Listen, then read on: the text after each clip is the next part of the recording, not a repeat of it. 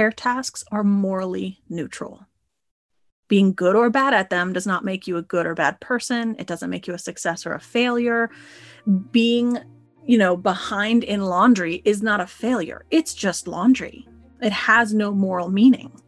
And that that principle in this term of care tasks because once you understand that the only reason to do a care task is to increase your own functioning comfort and pleasure, it moves from a chore or housework, which is sometimes this external standard or this external thing that we feel like we have to do to be a valid person or a good partner or a good parent. It goes from this external measurement of what real adults do to this intrinsic motivation of, I'm just caring for myself. That was Casey Davis, and you're listening to episode 207 of the Building Psychological Strength podcast, where we uncover the information, tools, and techniques to turn our mind into our most valuable asset.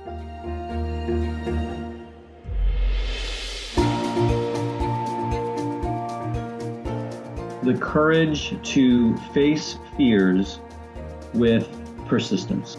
Being able to be present enough in this moment to choose my response thoughtfully. We have the strength to bend to life stressors, to bend to adversity without snapping, without breaking.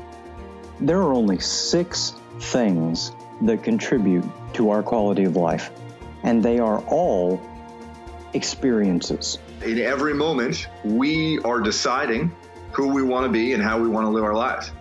Noticing what your brain is doing and then being able to make choices mobilize the things that we know lift us up.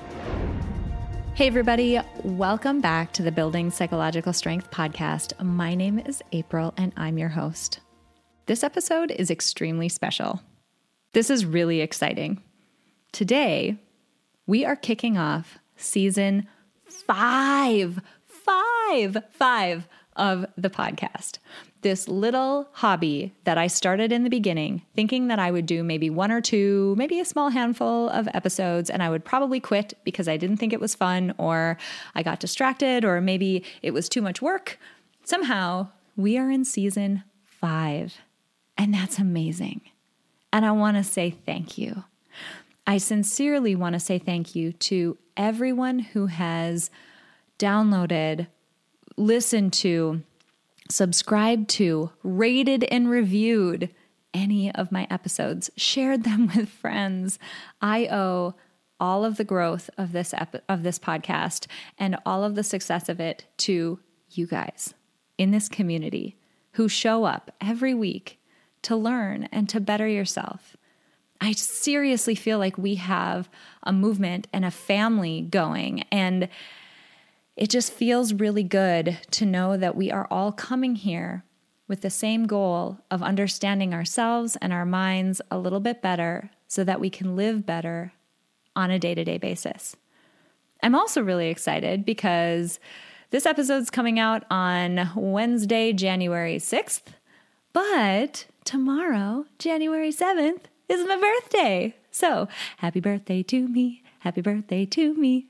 I'm really excited about that. And I'm going to make one bold ask. If you at all have gotten any value out of this podcast, or you just want to give me like a little tiny birthday gift, I would love it if you would submit a rating and a review, specifically on iTunes, if you could. It's hard for me to overemphasize how much ratings and reviews help both in getting the podcast out to other people, but also in helping me get awesome guests because they come to the they come to our podcast page on iTunes they look at how many episodes we have out they look at our ratings and reviews and see what people are saying and they judge the value and the caliber of our podcast based on those things so if there is one thing that I could ask for on the eve of my 41st birthday it is for ratings and reviews. If you could take five seconds out of your day and do that, I would so appreciate it. So, thank you guys so much for being here throughout this incredible journey to get us to the beginning of season five. Now, this week, I'm really excited about the woman that I am interviewing, she is somebody that I stumbled across as I was just, you know, lazily browsing TikTok one evening. It's funny because every once in a while I'll encounter somebody online and it will just hit me like, my gosh, I need to get this person on the podcast. This person has incredible things to say. My audience absolutely needs to hear from them and I'll start reaching out to them like some obsessed fan on all of their social media channels in order to try to convince them to come on the podcast.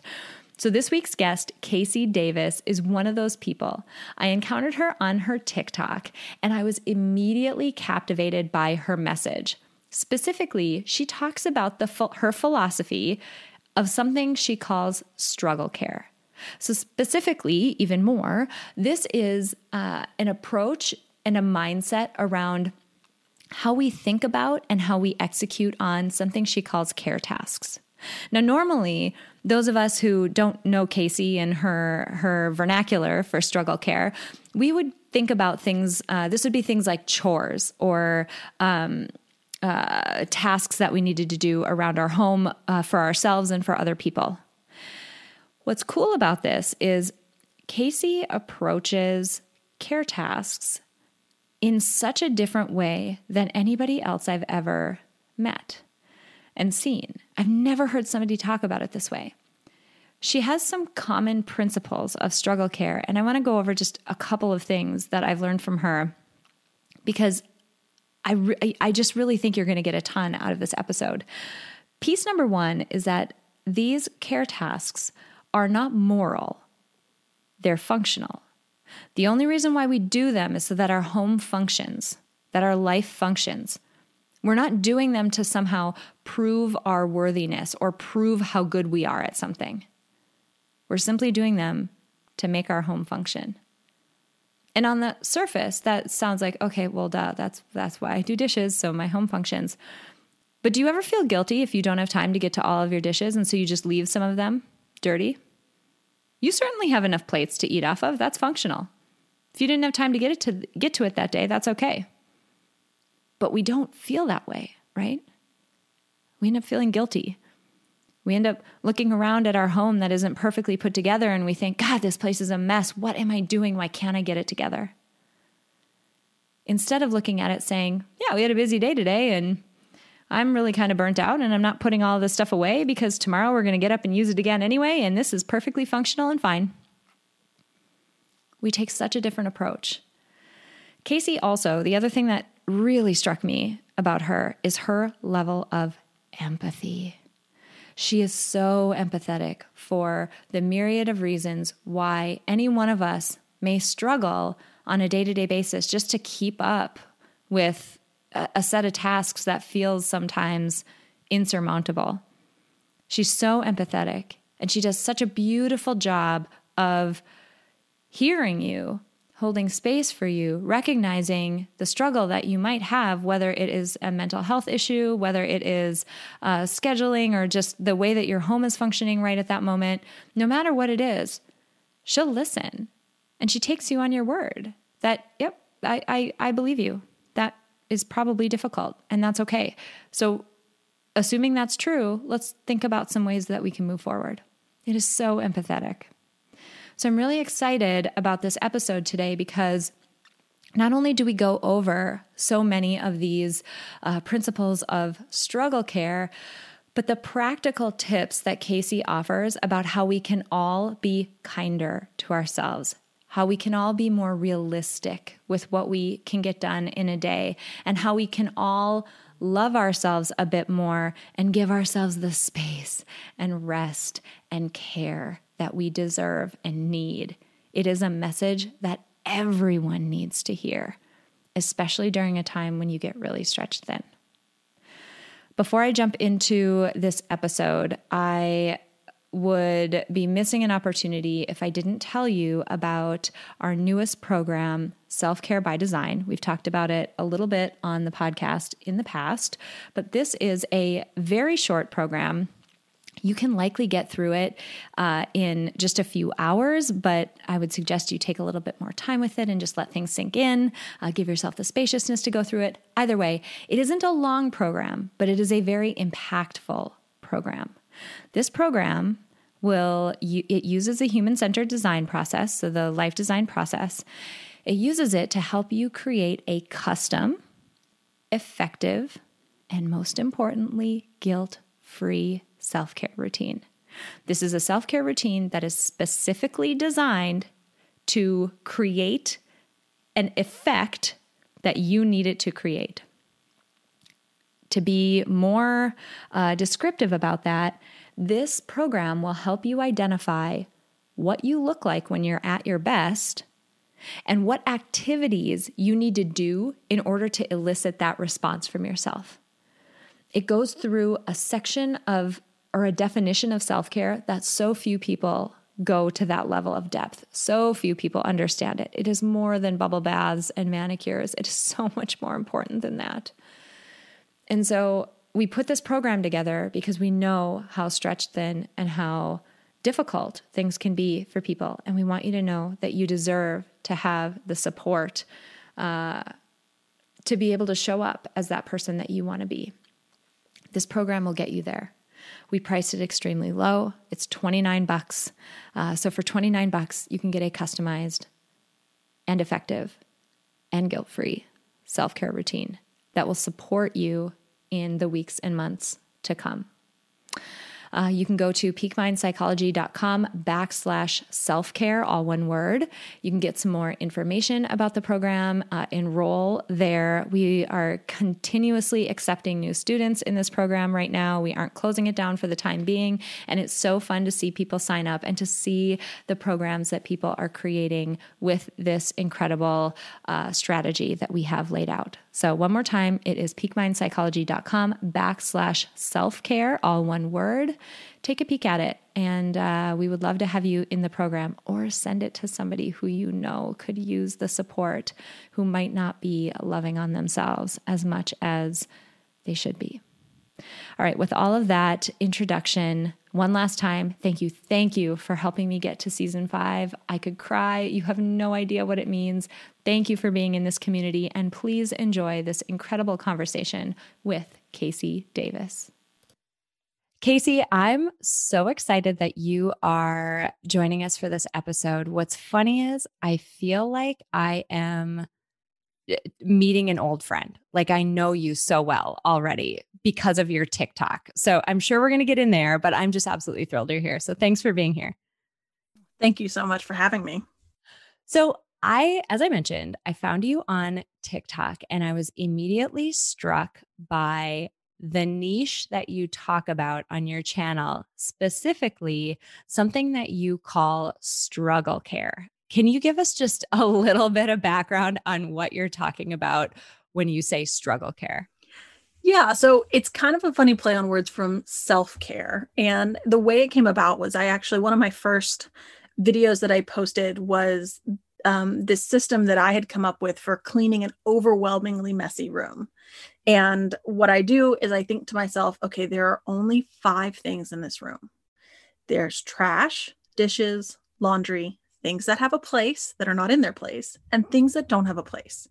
And I shot this video showing my absolute disaster of a house and talking about this way of going about it and it went viral. And some of the comments that that came on that video were things like I thought I was the only one. And I just mm. sort of mm. started riffing off these comments talking about, you know, you're not the only one. A lot of people struggle with housework or chores, those words um, that we usually use. And somebody in particular commented and said, I'm just so relieved that I'm not alone. And and I made a video response to that and I said, listen, when I made before I made that video, I had maybe 8,000 followers. Then I made a video about my messy house and I started talking about how difficult and overwhelming it can be to deal with what I call care tasks and you know the cooking the cleaning feeding yourself hygiene laundry dishes. You know lots of people struggle with this. And i said once i started talking about that content my follower count jumped from 8000 to 20000 within a few weeks. Mm. and so you are not alone. This is struggle care. And most of my sort of concepts and and words and slogans they come off the cuff and that was off the cuff responding to someone and ever since then it, i just kind of ran with it. And, and i think it speaks to people when they talk about struggle care that caring for ourselves and our environment is a struggle for some people mm-hmm.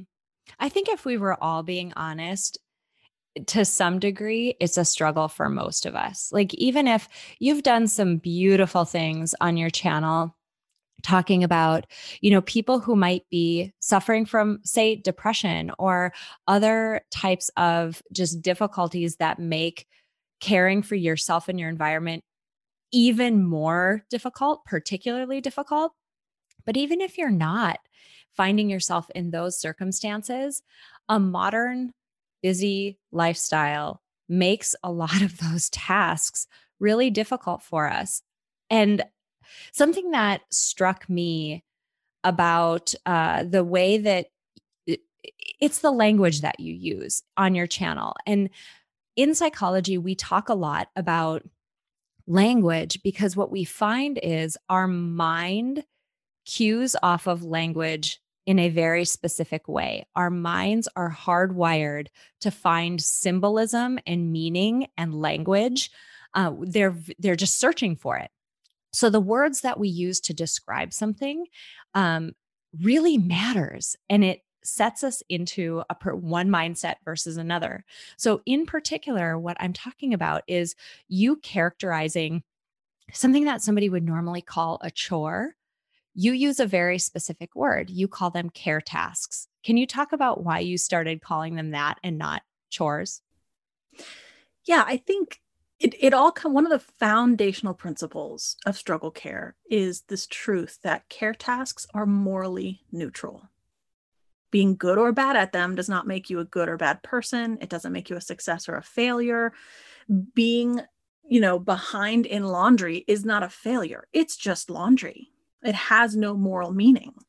And that that principle in this term of care tasks because once you understand that the only reason to do a care task is to increase your own functioning comfort and pleasure it moves from a chore or housework which is sometimes this external standard or this external thing that we feel like we have to do to be a valid person or a good partner or a good parent. It goes from this external measurement of what real adults do to this intrinsic motivation of I'm just caring for myself. I care for my environment so that my environment can care for me.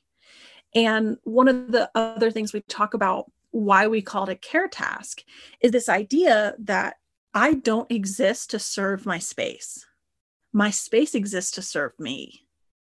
And so when I'm doing these things like laundry or dishes, or even maybe pre making my coffee at night for in the morning, I am only doing them so that I can function and be comfortable and get some pleasure out of my environment. And there's something about that shift from an external standard that we either measure up to or fall short of to this intrinsic care for ourselves and for the people that we live with that is a game changer for most people. And mm. i think that that that's the shift. That's an important shift.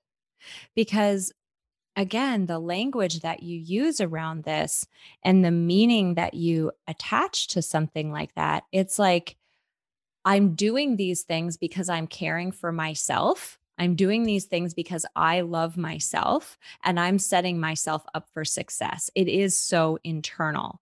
It isn't about, I need to make sure that I look like that house that I saw on Instagram or on the cover of that magazine. I need to make sure that my home looks like that because that is, you know, where the bar is set and I need to meet that. Oh, that's so huge. I want to cue off of one example you just gave. Actually, you were mentioning um, making coffee for yourself in the evening.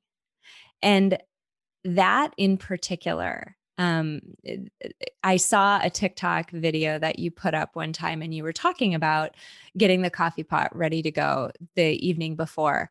And that is one that is so near and dear to my heart because sometimes we don't realize that the tiniest changes we make, like the smallest things, make such a huge difference if they're done with some intention. And so the coffee pot thing, I am in a very similar background to you, two young kids, a spouse who has a very demanding job. And I tend to then pick up a lot that happens around our home just by nature of the way our family functions. And I started making myself coffee the evening before and when I would do it, and maybe this is really putting way too much emphasis on it, but man, does it make me feel good. When I make coffee for myself the next morning, I'm literally thinking as I'm doing it, I'm doing this for you because I love you so much. And I know you're really going to appreciate this tomorrow morning. And every morning when I get up and all I have to do is push that button, I think, Thank you so much for doing that for me. That was so sweet because now I'm going to have this amazing cup of coffee in just 10 minutes. And I really appreciate you. So it sets up this cycle of I'm doing this for you because I love you and saying, Oh my God, thank you. I appreciate you so much. And that is a daily thing now. Yeah. So we, I refer to it as kindness to future you. Mm. That that motivation and and it came again off the cuff. I was making kind of a joking TikTok about. Um, I used to be a server for many years, and and if you're if, if you've ever been in the hospitality industry, you're familiar with closing duties, right? You, it's not a part of your job of bringing food to people, but it's something you have to do to keep the restaurant running. And so you do your closing duties to set up the openers for success. And I had this TikTok where I said, okay, you know, I'm doing my closing duties because I'm the closer. And I sort of looked over at the camera. I said, I, I'm also the opener, actually. Um, and I, I was just going to say, you are both closing the yes, restaurant down and opening it up the next and morning. the opener. And I'm just trying to set that opener up for success. And that's the thing is, again, moving the motivation because part of or at least the two main areas of distress that I hear people talking about with care tasks and and I've experienced them both is one on the area of not enough motivation. I have low energy, I don't have a lot of motivation, I don't have a lot of capacity and I can't keep up and it looks so overwhelming to me that I don't even want to start. And so it's helpful to think of the motivation as something small that's a kindness to future you because it helps our brain recognize the value in that and help us feel motivated to want to do something. And then the other side of that distress is sometimes people have immaculate homes, but they're keeping that home immaculate through a constant stream of anxiety because they feel as though they won't be good enough if things aren't in their perfect place. And I think mm-hmm. struggle care is really for both of those people.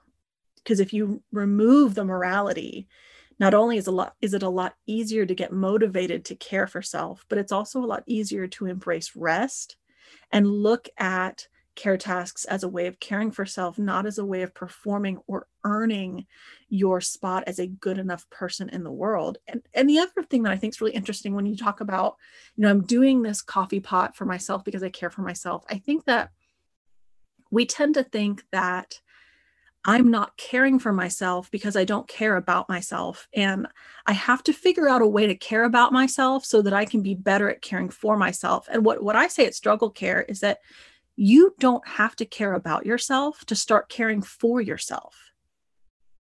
And what I think is so interesting is that when you start to take the steps to care for yourself, it actually helps you care about yourself.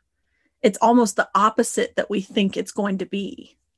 Wow. That's really profound. Can you say that again? You don't have to care about, say that one more time. Sure. You do not have to care about yourself to start caring for yourself. Uh, and, ah. and in fact, when we start to care for ourselves, even in these small ways, it begins to help us care about ourselves. Because people always ask, you know, how I hate myself.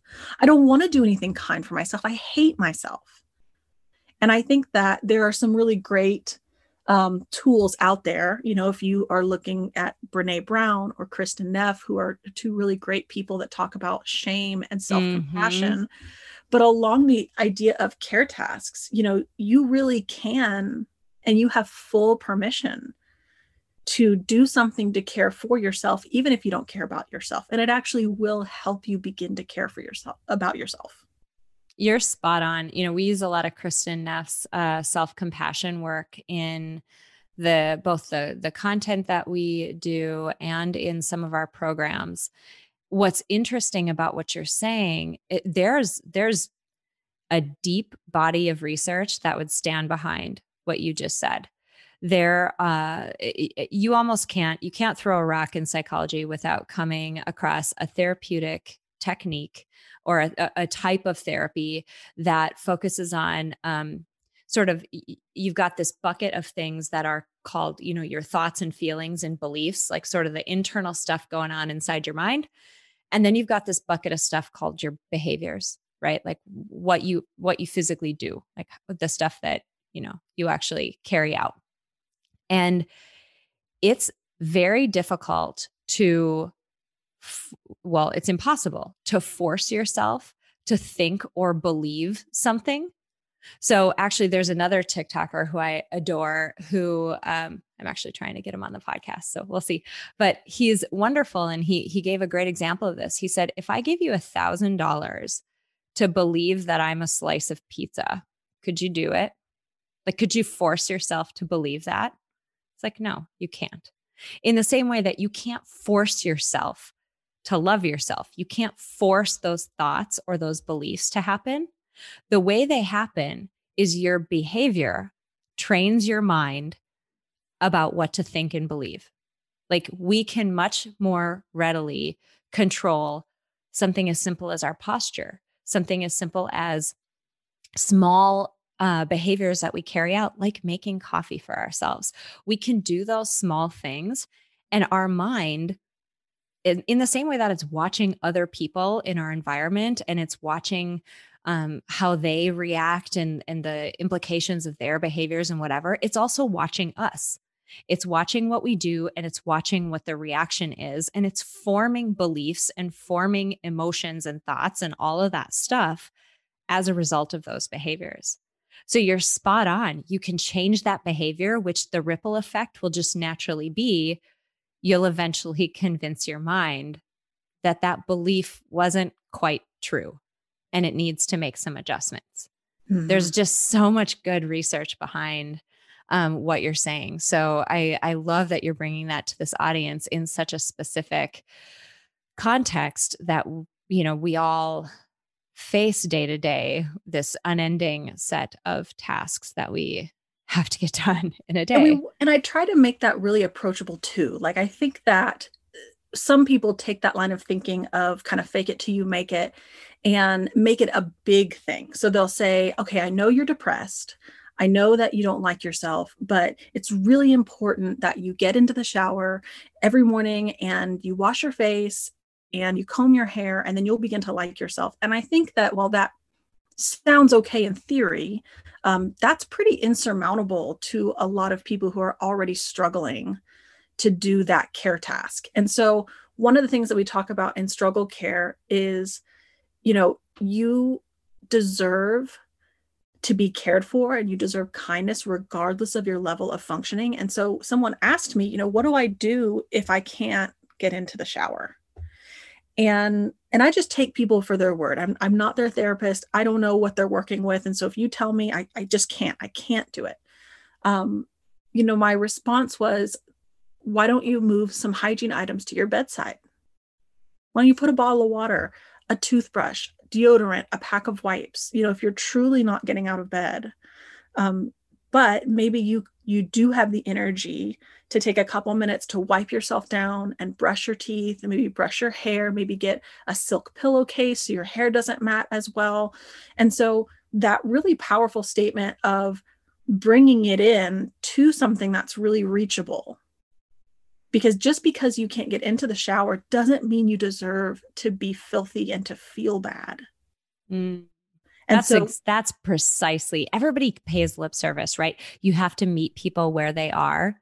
That is what it means. Exactly there, the description you gave. That is so beautiful. And so in that way, if you start to wipe your body down because it you it feels better to get the stink out of the armpits. That's the kind of outward in stuff that begins to change you not the i'll just bully and berate myself into the shower because someone told me that if i just fake it till i make it i'll like myself. It's a, I think it's an important distinction to make. Mm-hmm. these small gentle organic changes um, are more powerful than you know well if you just get up every morning at 5 a.m and start running it's like okay most of us you've gone from a to z and i can't i can't keep up with that Mm-hmm.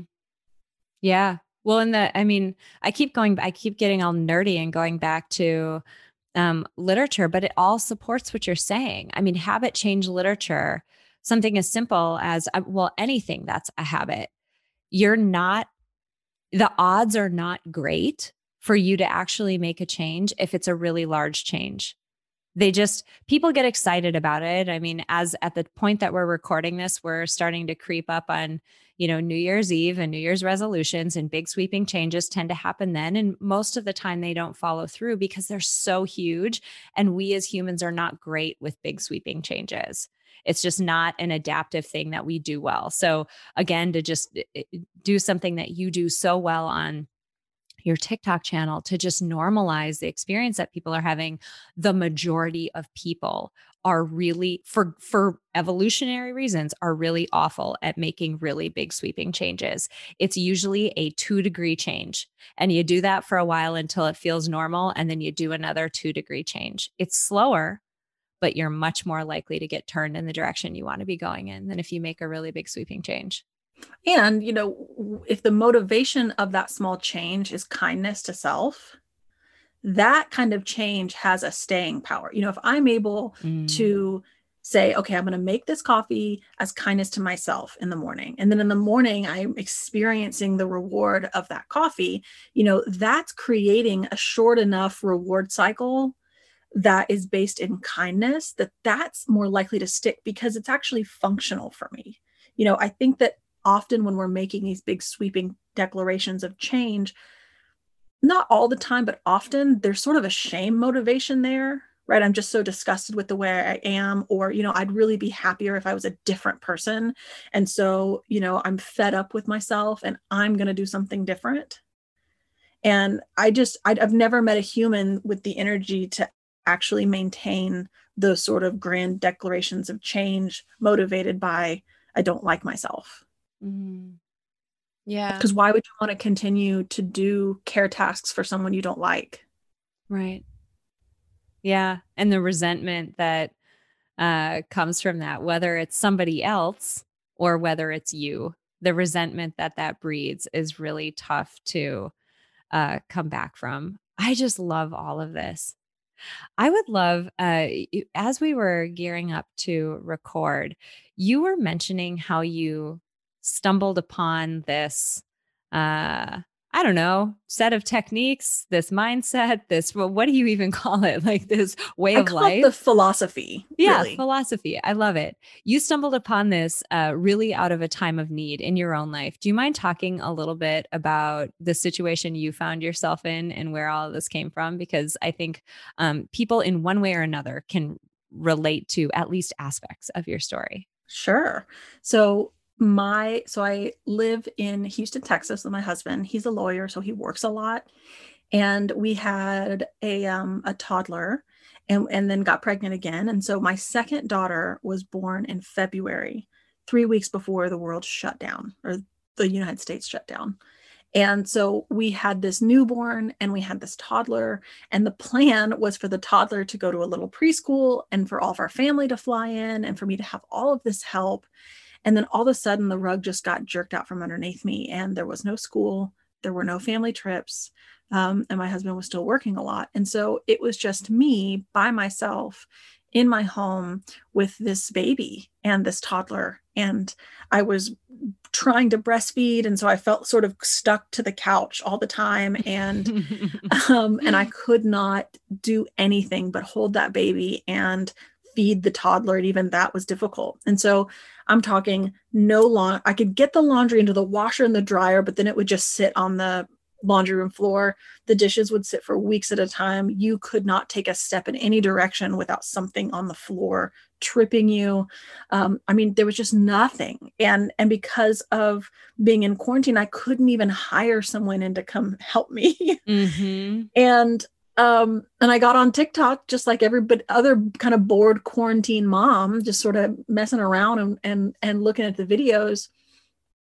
And it just sort of accidentally happened. And as I began to make videos and as people began to sort of resonate and identify with me, it almost became this sort of lesson I was trying to internalize myself, which is that being behind on laundry doesn't doesn't mean I'm not doing a good job. You know, mm-hmm. not being able to get the fact that I have an enchilada pan that's going on day 4 sitting on the stove doesn't mean that I'm a failure of a person, that I'm a bad mom, that I'm not a good wife. It, it, doesn't have any meaning. It's a dish. Dishes don't think, dishes don't judge, dishes don't make meaning, right? Um, and so this whole process, I'm, I'm a naturally messy person. Um, this whole process is at its core me learning to make peace with my space, me learning to have a functional space that works for me that is attainable for me that is something that is gentle because um i a little a tiny bit of background that sort of ties into this i actually went to drug rehab when i was 16 mm. Um and i hated myself so deeply. And so i understand what it means to loathe the skin you're in.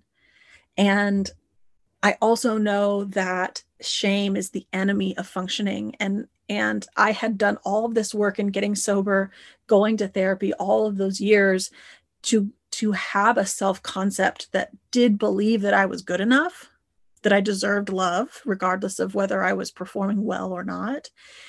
And I like to say that, you know, these last 10 months for me, um, while it has felt like I was drowning at times, I always felt as though my mouth and my nose were above the waterline. And it was only because at the end of the day, I believed that I was deserving of love, regardless of what everything else looked like.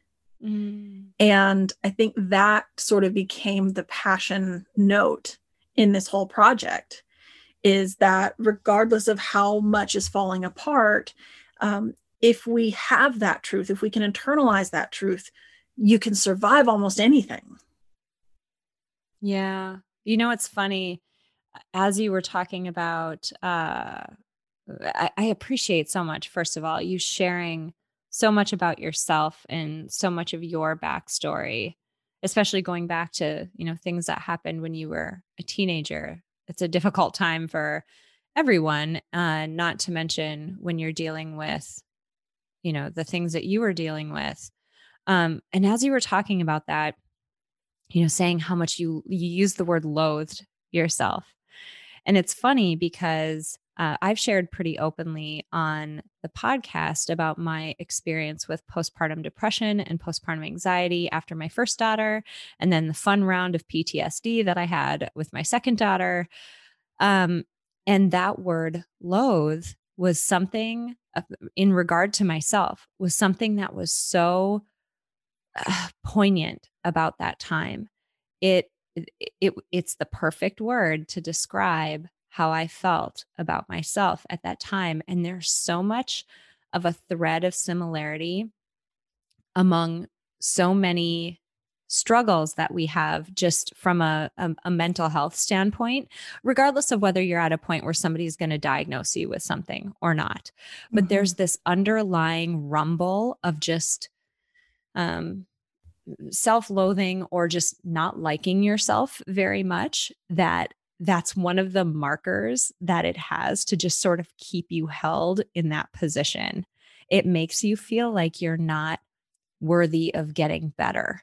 And it's one of the sticky things that makes these mental health struggles again whether it's it's diagnosable or whether it's just subclinical and it's just something you're struggling with and it isn't quote unquote bad enough for somebody to diagnose you it doesn't matter it is this hallmark of a lot of different um, situations just from a mental health standpoint that we find ourselves in and i just want to validate for anybody who's ever felt like that that's why one of the reasons why it's so difficult because it's convincing you not only that things can't get better but that even if they could you're not worthy of them getting better. And it's it's this it's the mental health struggle that's saying that it's not you you know it isn't there's no truth to it. But at the time, it feels like capital T truth, like absolute fact. I am not worth taking care of. And I would even take it one step further and say that, you know, the belief that we aren't worth it, it is it is so ingrained in so many of those mental health struggles but it also it doesn't have to be the narrative of your mental health struggle mm. because you can feel better without actually getting better right like if if today you can't stay on top of things and you have no energy and you you're kind of numb and maybe let's go in the vein of postpartum. You don't want to be a mom today. You just want to run out the front door and never come back. There is a world of difference in terms of distress. If you are feeling all of that and you hate yourself versus feeling all of that and knowing I'm going through a mental health struggle and it doesn't have anything to do with my worthiness as a person. Mm. And and hmm. you can work towards that kind of self-compassion without quote unquote fixing other symptoms. You don't have to figure out how to get better energy. You don't have to figure out how to want to be a mom today. Yes, we want all those things for you because that's not a fun way to live, but you can start to feel better just by recognizing that regardless of where and how you are functioning, what's going on with you, uh, you are deserving of kindness and compassion. And I think that that is such a huge shift mm-hmm. that you know sometimes we are moving through mental health struggles and the difference between feeling as though your head is above the water versus under the water sometimes comes down to that fundamental aspect that's so beautifully said i'm curious uh, and i was not planning to go here but now i'm there it's it's an underlying um, another sort of underlying theme in something you just said. You were talking about your experience after your second daughter was born. And people in the audience who are listening to this, if you have kids, you likely remember the situation where you've got this new baby and how all consuming that time period is. Think maybe the first, I don't know, we'll say three months, but like there's a really big asterisk on that because everybody's experience is very different. But minimally, we'll say the first three months. It is all consuming. And I remember at the time, I had heard other people, typically women, talk about that. And I was like, I don't understand it. I don't get it. I don't know. Like, allegedly babies sleep like a lot. Like, I don't get it. And even now, my youngest daughter is two. And when I think back to my own experience, which was all consuming and just like overwhelm, um, I'm like, I don't get it. Why couldn't I? I can't. And the the point I'm getting to is that you I feel like we have this ability in this conversation right here to give people permission to not have to justify it and explain out the the checklist of things that was happening in that moment and why they couldn't get to the laundry for days. Like it's enough for you in your own felt experience. We'll just leave it as broad as that. It's enough for you and valid enough for you to say given everything going on, that just it, it just couldn't happen today. You don't have to say because the baby did this and then 5 minutes later and then 3 minutes after that and then the toddler this and then this thing blew up and then this phone call and then this like you don't have to justify what you were doing for 24 hours a day. It is simple enough for us the world who it is none of our business ps but it's good enough for you to just say i just it, it just wasn't something i could do like it's just not it just isn't that's just your felt experience and that's valid I'm a big fan of reminding people that you do not have to meet a criteria to deserve relief from your distress and validation of your distress. Um, and and sometimes it's difficult. You know, I I saw a therapist after my daughter was born. I struggled with mental health after she was born. I don't know if I ever met criteria for postpartum depression. I I suspect that I probably um went in and out of it but it was it's difficult sometimes to talk to someone else and convey i had a really hard time and you thinking well did i have postpartum depression can i say that i didn't technically get the diagnosis mm-hmm. but the, well but my therapist did say that those things were related to being postpartum and and i think that we mistake diagnoses mm-hmm. as some sort of validity of okay you're allowed to struggle because you have this diagnosis um, and that's not true it's it is it is hard for everyone and it's hard in varying degrees depending on who you are what your skill set is what your support system looks like what year it is um, it, and that's okay mm-hmm. it's okay and anyone who has had a child knows that as much as we talk about the invisible work when we refer to care tasks, the work of holding space for a newborn who needs your touch and attention and safety that is real invisible work right? Because someone comes home and might see all these things around go what did you do today? But i mean i would like to think that anybody that has been in that spot understands that the task you did that day is huge. Mm-hmm. and it is not an easy one and it does not come with a manual and your distress in trying to learn on the steepest learning curve with no sleep is more than valid. Absolutely. Uh absolutely. You know, I I came across you probably oh gosh, oh, I mean well after your initial videos went viral on TikTok. I think you were probably in the 20k followers when I found you.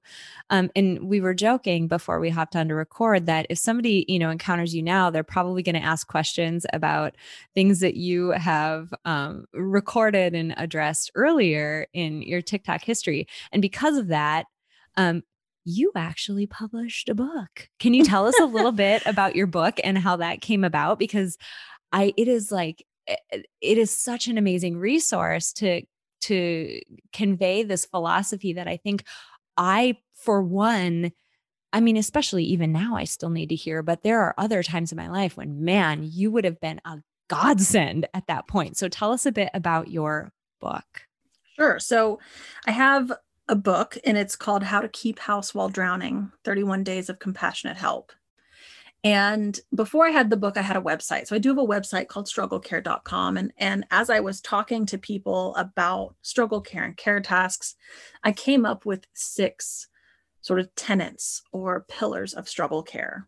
And then I wanted to, to write this book because people would ask questions about well how do i internalize this or what do i do with this and and i kept finding myself thinking well go back to the beginning of my tiktoks and just watch them all because you have to take in all of these sort of foundational concepts before you can build on them with these other concepts and you know i have um, w- one of the pillars is called good enough is perfect and that's where i talk about gentle skill building and it's the only pillar of struggle care that actually addresses how do I do a care task or how do I make a care task easier? And and I talk about this in my book. I say if you just jump to how do I get on top of laundry without untangling your emotional relationship with laundry first, it's not going to have the impact you're looking for. Because this isn't about this isn't an organizational system. This isn't a book mm. on how to tidy. It's not the you know it's not those things. What this is is examining your relationship to these care tasks and all of the things we think about them and all the things we think they mean about us, and realizing that if we can shed some of that baggage, you will automatically be able and freed up to find ways of functioning that work for you. So I do have a few tips and tricks, but I try not to be overly prescriptive. And in that all being sort of one melting pot of a concept, um, I wanted people to have a way if they were jumping in. So I'm at, I think, 260,000 followers now, and I do about four TikToks a day since July. And so, you know, that's a lot, especially if you come on and go, well, what, what do you mean when you say you can't save the rainforest if you're depressed? And I go, well, go ahead and just scroll back 65 TikToks and get, get that information.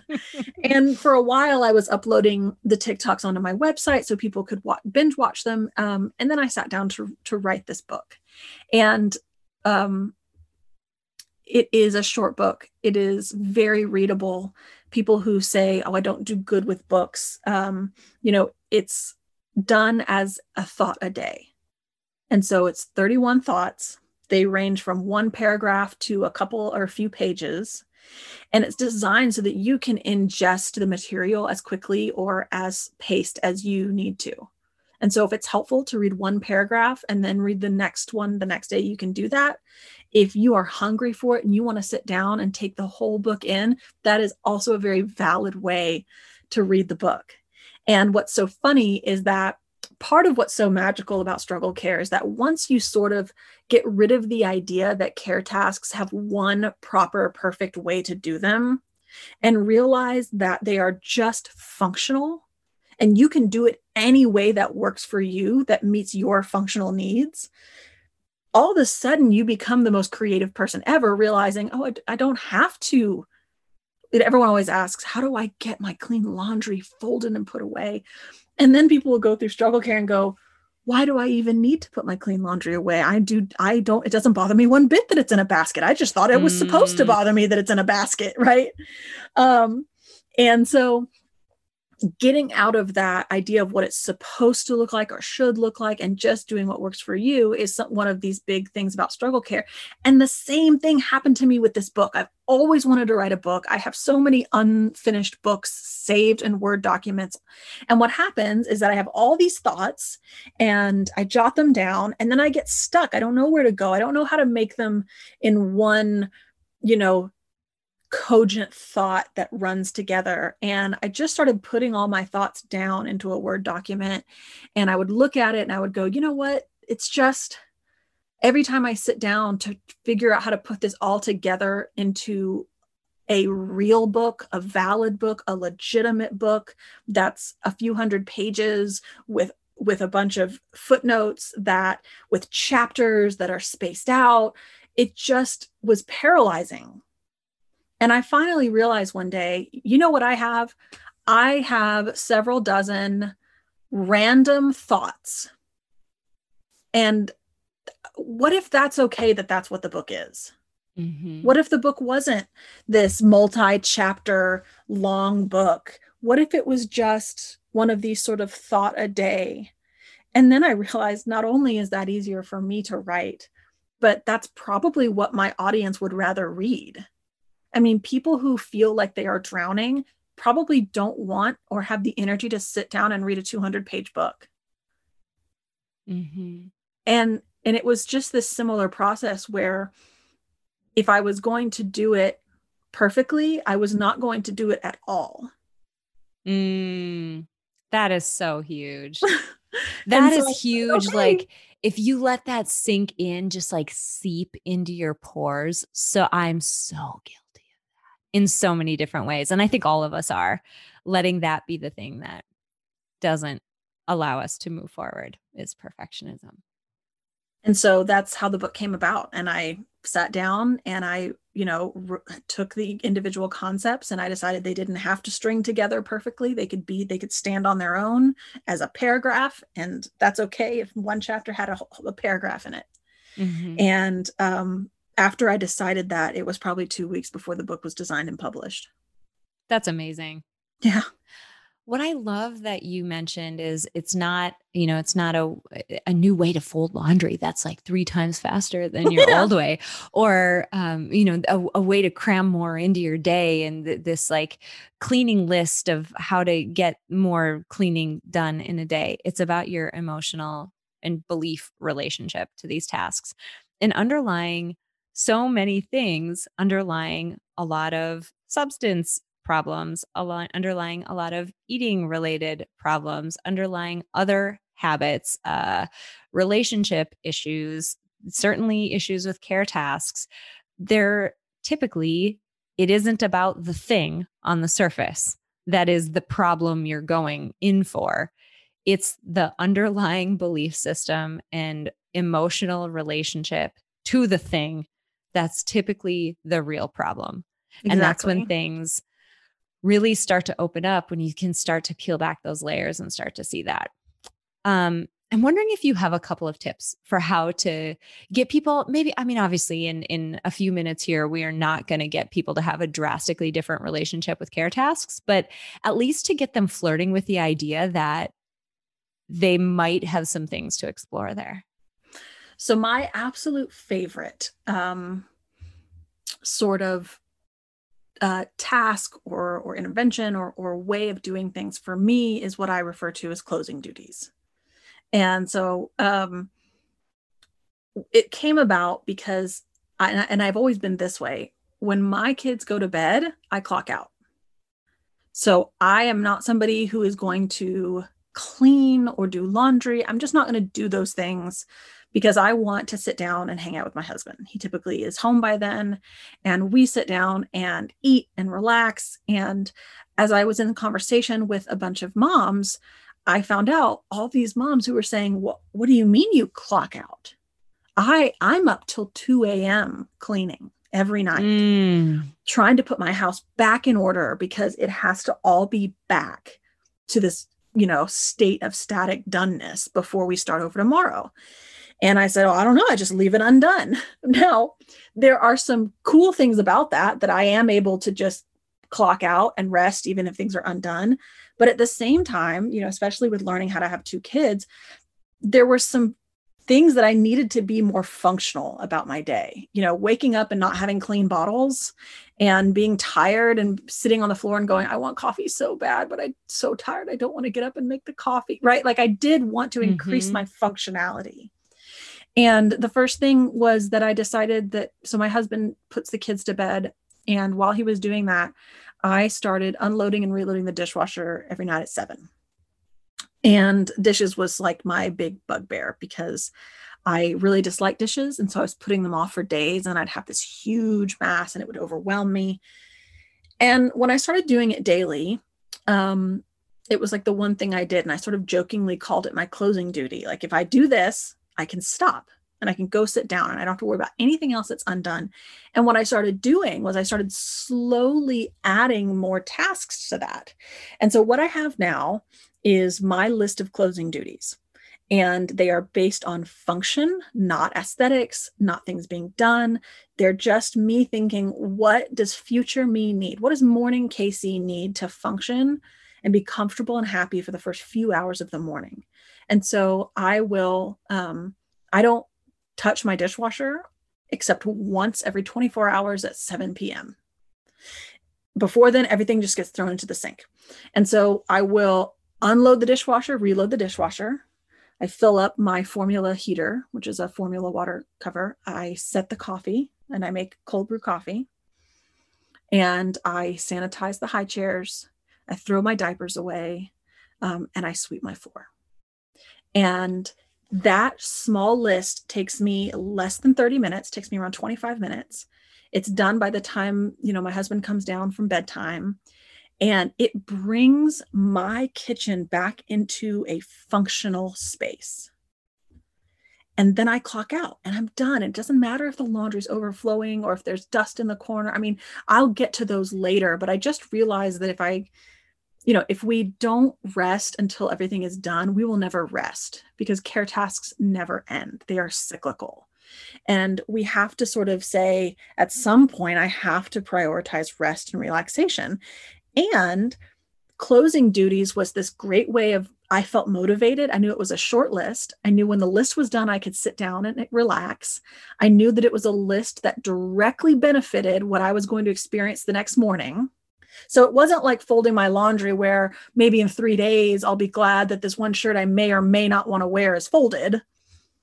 But it was directly related to how I was going to feel and experience my morning. And it has been a life changing thing for me. And my kitchen doesn't look like the front of a magazine cover, but it is 100% functional for me. And, and I have some templates even on my website about how to do those. But, and here's the other part of, fun- of closing duties. I also have what I call survival day functioning, uh, survival day closing duties. So if I have a bad day, if I have a stressful day, um, I will go into my kitchen. I will take the infant's bottles out of the sink. I will put them into my clean dishwasher and I will run that sucker again. Mm. And I fill up the formula water. I will pick up pieces of strawberry off the ground with my hands and I will be done for the day. And I have 100% permission any day, whether it's every day for three weeks, to do survival day closing duties. Mm. And they're not moral. I'm not bad if I don't do them. I'm not good if I do do them. They're just functional.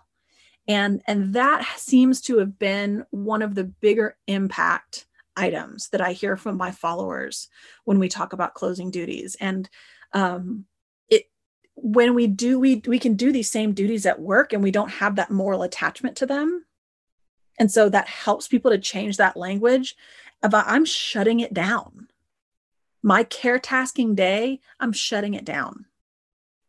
And i just have a few things i'm going to do and i'm done. I love and it. the fact that it's the same list every day helps with executive functioning issues I actually mm-hmm. have to have the list written down. It's on my refrigerator because even though it's the same one, I can't remember.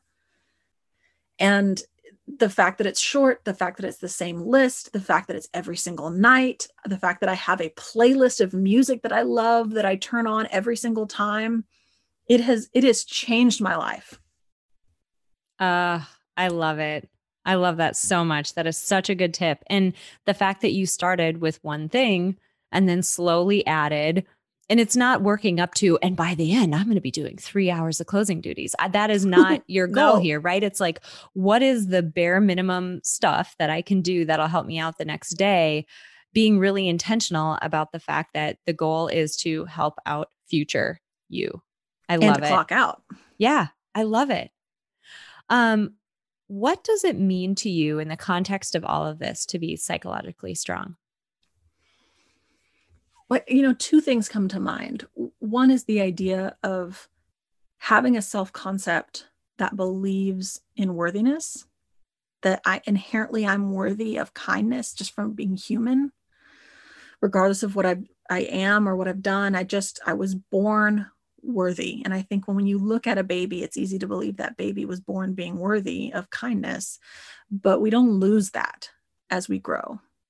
And so i think that having that concept where our worthiness isn't attached to our performance is a big part of having resilience. And and then i think boundaries is the other one. And i don't mean boundaries in sort of the pop psychology way. I mean in the way where at the end of the day i understand that what i feel how i act and and what i believe are my responsibility Mm. And what you feel, how you act or react, what you believe about me or anyone else, that's actually not my responsibility. Mm-hmm. Now, I obviously care what you feel, depending on who you are to me, right? And I'll take that into consideration. But at the end of the day, you know, whether or not I feel good about what I've done that day is based on my values not somebody else's opinion or somebody else's emotional reaction to what I've done. I love it. We uh, we stuff that we didn't even get into in this episode. We talk a lot about something called life design on this podcast and in Peak Mind in the Peak Mind Center. And one of the principles of it is that you are at the center of your own life. Yes, you have maybe a significant other, kids, coworkers, all of those people, but shockingly, they have their own lives. both their own mental lives and their own physical lives that they're living. They get to make their own decisions about their own lives. And it aligns to this so nicely because you start to see where, if you really look for it in your life, you start to see places where you are taking responsibility for somebody else's emotional reaction or you are taking responsibility for somebody else's happiness when ultimately especially if you're talking about an adult, but even with kids, it's you cannot physically do that for anybody else. That's their own that's their own life. That's their own mental situation. So I love that definition of boundaries. I could just cheer and hug you. I love that. um you mentioned your book We've talked a little bit about your TikTok. Can you give us some info on where we can find you? Because your content is amazing. And it's not amazing in the perfect Instagram way. It is amazing in the you are exactly what I needed to hear today kind of way. so, can you direct us to where you are online and where we can get more of you? Sure. So, my TikTok is domestic blisters. Um, and it's spelled like blisters, B L I S T E R S.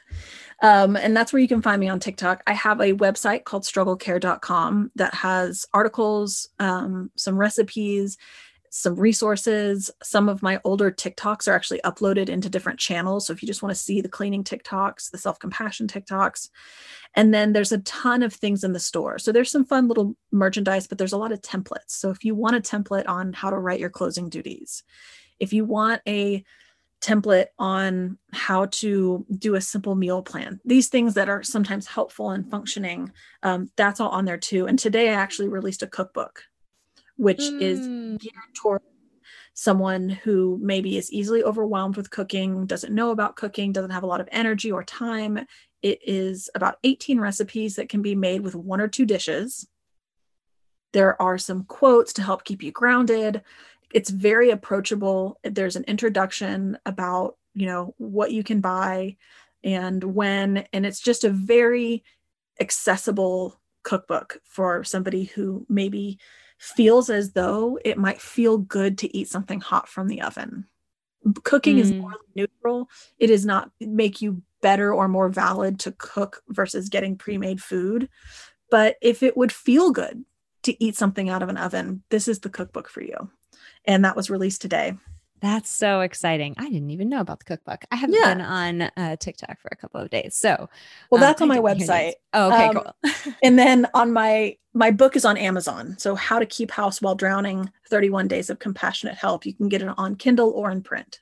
Perfect. We'll make sure we link up to all of that in your show notes uh, so that it's easy for folks to get to you because you have just been a bright light in just a bright light of reality and just honesty that has been so refreshing over this time period that all of us have been in such a strange circumstances. But even outside of this, I think back to my life when I had young kids and I'm like, God dang it, where was she? This would have been so helpful had I had you to look at at two in the morning as I was, uh, you know, struggling with a new baby. Um, I'm just thrilled that you took the time to hang out with us for this episode. And I really do hope that those listening to this reach out to you uh, via you know all of the all of the social and all of the online uh, ways that they can get connected with you because your content is just phenomenal and we just appreciate you coming to share this philosophy with us. So thank you so much for being here. Thank you so much.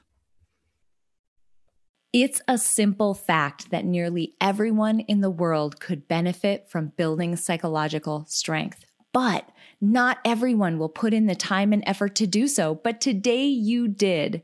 Thank you so much for listening to this episode of Building Psychological Strength. Now, if you're interested in building the mental toughness, confidence, and resilience you need to thrive through life's ups and downs, visit us at www.peakmindpsychology.com. Also, if there's someone in your life who could benefit from this episode, please share it with them. And if you yourself found this episode valuable, meaning if you took away even one insight that you can use to build psychological strength in your own life, we would so appreciate it if you would drop us a rating and a review on iTunes.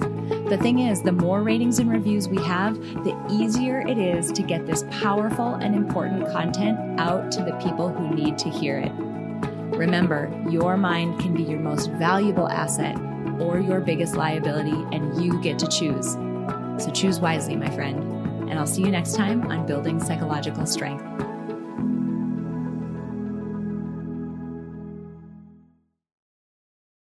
At Parker, our purpose is simple.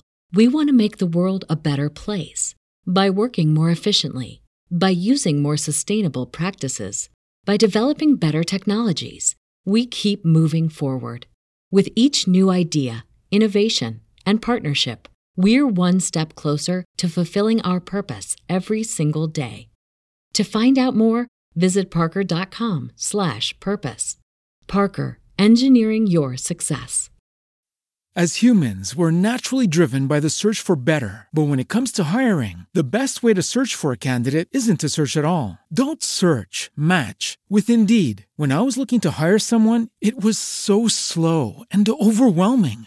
I wish I had used Indeed. If you need to hire, you need Indeed. Indeed is your matching and hiring platform with over 350 million global monthly visitors, according to Indeed data, and a matching engine that helps you find quality candidates fast. Ditch the busy work. Use Indeed for scheduling, screening, and messaging so you can connect with candidates faster. And Indeed doesn't just help you hire faster. 93% of employers agree Indeed delivers the highest quality matches compared to other job sites, according to a recent Indeed survey. And listeners of this show will get a $75 sponsored job credit to get your jobs more visibility at Indeed.com slash podcast. That's Indeed.com slash podcast. Terms and conditions apply.